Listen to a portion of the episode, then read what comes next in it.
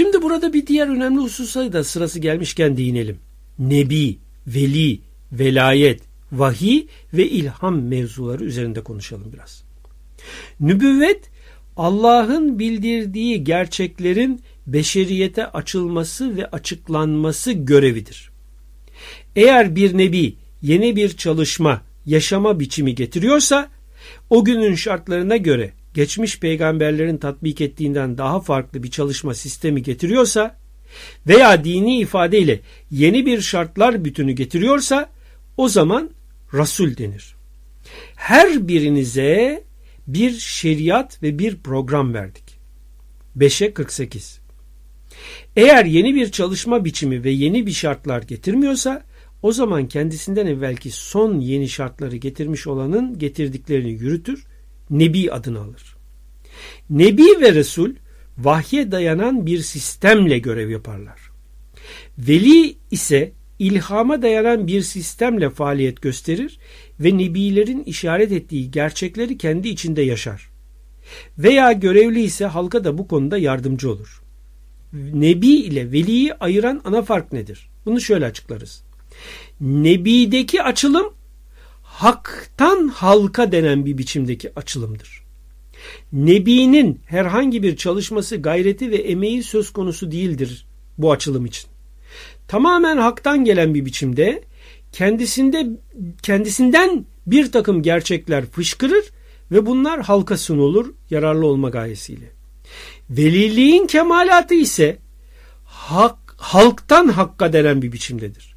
Yani velide belli çalışmalar görülür. Bu çalışmalar neticesinde veli hakka ulaşır. Kişinin Allah ismiyle işaret edilen varlığa ermesinde iki sistem vardır. Birisi haktan halka nüzül şeklidir. Öteki ise halktan hakka uruç şeklidir. Velide çalışmalarla birlikte belli bir tekamül gözükür ve nasibi istidadı oranında hakka uslata erer. Nübüvvet ise Nebi'nin herhangi bir sayi gayreti olmaksızın hakkın kendi hakikatlerini o nebinin dilinden açığa çıkarmasıdır. Bunu misalle anlatmaya çalışalım. Haktan birime açılan bir manevi kanal ile nebiden hakikatlar zuhur eder. Velide ise bizatihi yaptığı belli çalışmalar sonucu açılan bir tünelle hakka varır o hakikatlere vasıl olur. Olduktan sonra da bazısı hakka halka yararlı olmak amacıyla ilahi vuslata ermiş olarak belli vasıflarla vasıflanmış kişi olarak halk arasında görev yapar veya yapmaz. Bu hakkın takdirine bağlıdır.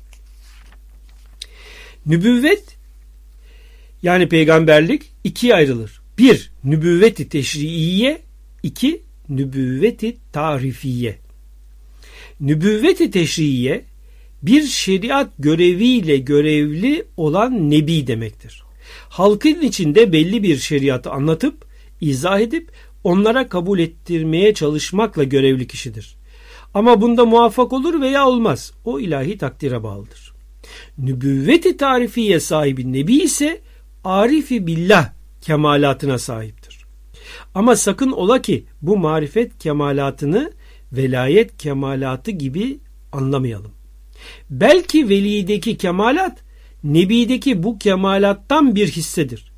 Mesela Hızır Aleyhisselam'ın nübüvveti, Lokman Hekim'in nübüvveti hep bu nübüvveti tarifiye hükmündendir. Tarifiye irfan anlamındadır. Yani marifi billaha agah olan ve bu marifetin gereklerini zahirde yaşayan, gerekiyorsa yaşatan anlamınadır.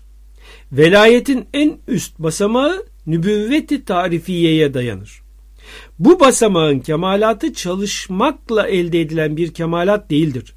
Tamamen ilahi ikram ve ihsan yollu kişide meydana gelen bir açılım neticesi olur. Hz. Muhammed'den sonra nübüvveti teşriiye söz konusu değildir. Fakat nübüvvetin irfanı Hz. Peygamber'den sonra gelen velilerden pek asına ihsan olunmuştur benim ümmetimin velileri Beni İsrail nebileri gibidir buyuran Hazreti Resulullah Aleyhisselam velayetin bu mertebesine yani nübüvveti tarifiyeye işaret etmiştir. Ki buna bu kişinin kendi çalışması karşılığı olmaksızın ilahi lütuf gereği bir takım Allah marifetinin onda zahir olması şekliyledir. Tasavvuf dilindeki adıyla velayeti uzmadır. Şimdi burada önemli olan bir başka noktada şudur. İman vahye dayanan sistemde geçerlidir. Yani iman vahyedilene dayalı kılınmıştır. Çünkü insanın duyguları veya aklı birçok şeyi çözemez. Göremediğini beş duyuyla algılayamadığını kolay kolay değerlendiremez. Akıl beş duyuya dayalı olarak çalışır. Ancak akıl belli bir kemale gelmişse beş duyuya dayalı örnekleri alıp kendi bünyesinde değerlendirir ve buna dayalı bazı çalışmalarda yapabilir. Bu arada 6. 7. 8. duyular durumunda olan sezgi veya sezginin ötesinde çalışan feraset veya ilham yolları ile gelen çeşitli bilgileri de bir potada eritip değerlendirir ve bunun çok üst sonuçlarını yaşar. İşte o zaman aklı külle yaklaşmaya başlar. Yani açık basit donelerden yola çıkıp geniş kapsamlı bir algılama sistemiyle gelen bilgileri değerlendirip bir takım gerçekleri görebilme, basiretiyle görebilme durumuna girer. Bunun tasavvuf dilindeki adı keşiftir. Yani üst düzeydeki alıcıların çalışması neticesinde hasıl olan algılama, kavrama, bilgi, değerlendirme vesaire. İnsanı ilahi manalara yaklaştıran en değerli yol ilhamdır. Vahiy ile yeni düzen getirme yolu Hazreti Resulullah Aleyhisselam'dan sonra kapanmıştır. Vahiy ile ilham arasındaki fark nedir? Vahiy özden dışa gelen yani haktan halka gelen sezginin adıdır. Melek aracılığıyla direkt özden gelen akıştır. İlhamlar ise kişinin kendi çalışmaları sonucu kendisine kendisinden meydana gelen fiillerin hasılası olarak kazandığı, kendisinde oluşan hassasiyetin getirdiği algılamalardır. Vahiy haktan direkt olarak herhangi bir çalışma söz konusu olmadan kendisine nazil olan ve kendisinden fışkıran boyutsal ilahi ilimdir. İlham ise kişinin çalışmaları sonucu kendisinde meydana gelen hassasiyetle bazı ilahi gerçeklere muttali olması, bunların perdelerinin kendisinde açılması, bunları hissedip yaşaması halinin adıdır. Dolayısıyla her ne kadar genelde vahiy ile ilham arasında fark yoktur derlerse de aslında çok büyük fark vardır. İşte bu temel fark dolayısıyladır ki bir nebi ile bir velinin kıyaslanması asla mümkün olmaz. Bu ana neden yüzündendir ki insanlar velilere itaat ve teslimiyet için mecbur tutulmamışlardır. Fakat nebilere itaat ve teslimiyet zorunlu kılınmıştır. Çünkü ilhamlarda bazı yanılmalar söz konusu olabilir. Fakat vahide yanılma olmaz, bireysel değer yargıları asla gerçekleri bulandırmaz. Niçin? Çünkü vahiy direkt haktan nüzüldür, yanılma payı yoktur. Çünkü beyin faaliyetlerinin ve verilerinin o gelen üzerinde bir rolü yoktur. Direkt olarak beyinde o mana oluşur. Halbuki ilhamda ise kişinin beyninin açılma kapasitesine göre alıcılık durumu ortaya çıkar. O kapasitenin oluşumunu meydana getiren yan faktörler velide hasıl olan manayı etkileyebilir.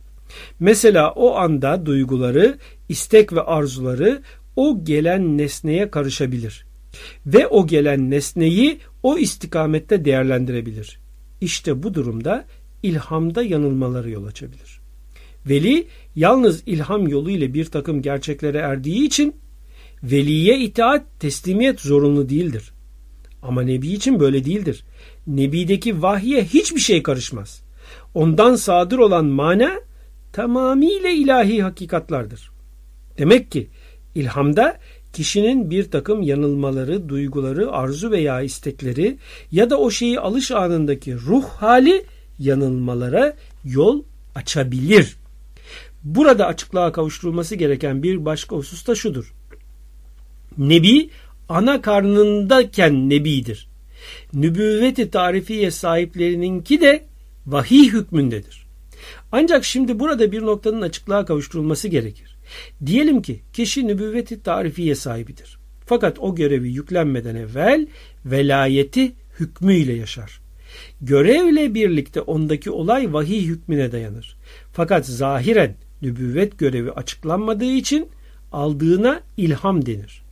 O doğuşundan görev alışı anına kadar velayeti hükmüyle yaşar aldıkları ilhamdır. Görevinin başlamasından itibaren aldığının şekli değişir fakat bu değişmeyi de ancak kendisi bilebilir. Başkası dışarıdan bunu bilemez çünkü dışarıdan ancak velayet söz konusudur. Ayrıca o mertebedeki bir kişiyi tanıyabilen de ancak yeryüzünde 2-3 kişidir. O düzeydeki bir kişi zaten zamanın ya gavsı ya kutbu aktabı ya da insanı kamilidir. Ve o düzeydeki bir kişiyi de ancak ya gavs veya kutbu aktap bilebilir. Alttakiler üsttekilerin kendilerinden üstün bir veli olduğunu bilir ama hangi mertebede olduğunu bilemez. Ne olduğunu bilemeyeceği için de alışının ne yoldan ne şekilde ve ne kadar olduğunu değerlendiremez. Onu değerlendirmesi de asla mümkün değildir. Bunu biz de ancak bu kadar anlatabiliriz. Çünkü bu o mertebe ehline ait olan bir ilimdir. Vahiy ile ilhamın önemine ve ağırlığına bir de şu yönüyle işaret edelim. Mesela siz aklınızla bazı bilgilere sahipsinizdir. Bu bilgilerinizin gereği olarak bu işin bu şekilde olması gerektiğini bilebilirsiniz. Fakat duygularınız ağır basar ve bilmenize rağmen bir türlü o şeyi yapamazsınız. İşte bu bir noktada aklın tasarrufunun zayıflığındandır. İlhamın gücüne en güzel misal bildiğimiz rüyalardır. Gece bir rüya görürsünüz. Ertesi sabah kalktığınızda haliniz bambaşka olur.